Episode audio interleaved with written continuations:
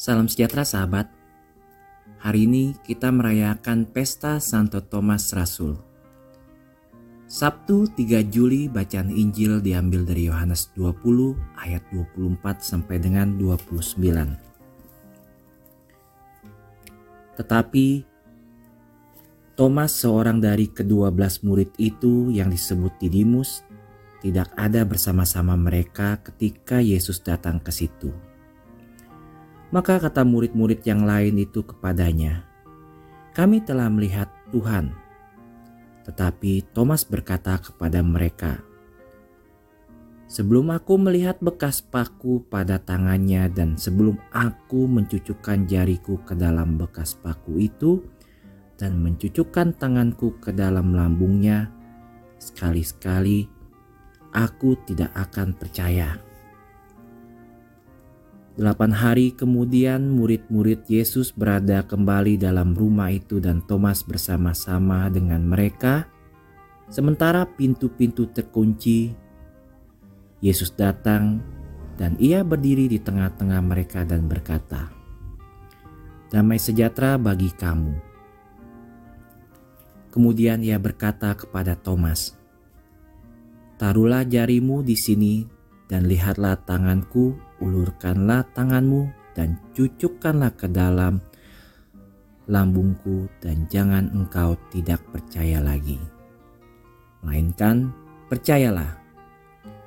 Thomas menjawab dia, Ya Tuhanku dan Allahku.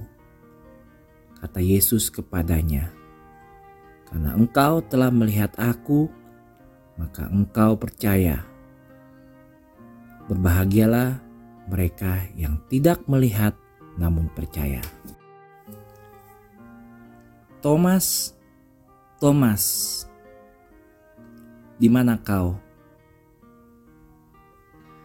Beberapa hari sebelumnya, ketika Yesus pergi ke Yerusalem untuk mati, Thomas anda tidak takut untuk pergi bersamanya dan berkata, "Marilah kita pergi juga untuk mati bersama-sama dengan Dia." Yohanes 11 ayat 16. Tapi engkau tidak mati bersama Dia. Engkau lari dari Dia di Getsemani. Saya bisa membayangkan penderitaan kau Thomas. Melewati hari-hari setelah Yesus mati, kecewaan atas keputusan yang telah engkau ambil Thomas. Karena saya tahu engkau mengasihi Yesus. Tapi aku berterima kasih padamu Thomas karena kau tidak pergi engkau tetap tinggal di Yerusalem, walaupun bagi engkau semuanya sudah berakhir, tapi engkau tetap setia. Saya berterima kasih kepada engkau ketika engkau mengetahui bahwa mereka telah melihat Tuhan, bahkan di saat engkau tidak mempercayai mereka dan merasa tidak benar apa yang mereka katakan engkau tidak berpikir atau menuduh mereka gila ataupun pembohong. Kerinduan engkau begitu dalam untuk bisa melihat Yesus, berbicara dengannya, dan menyentuhnya lagi seperti masa lalu. Terima kasih Thomas karena telah setia menunggu bersama para rasul sampai Yesus datang untuk menyembuh ketidakpercayaan kau.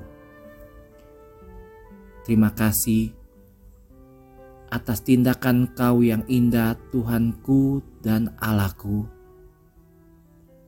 Terima kasih Thomas, saya semakin percaya kepadanya. Terima kasih, terima kasih, membuat saya rindu untuk lebih menyentuh Yesus dalam perjamuan kudus. Terima kasih Thomas, karena tidak pergi ketika imanmu lemah.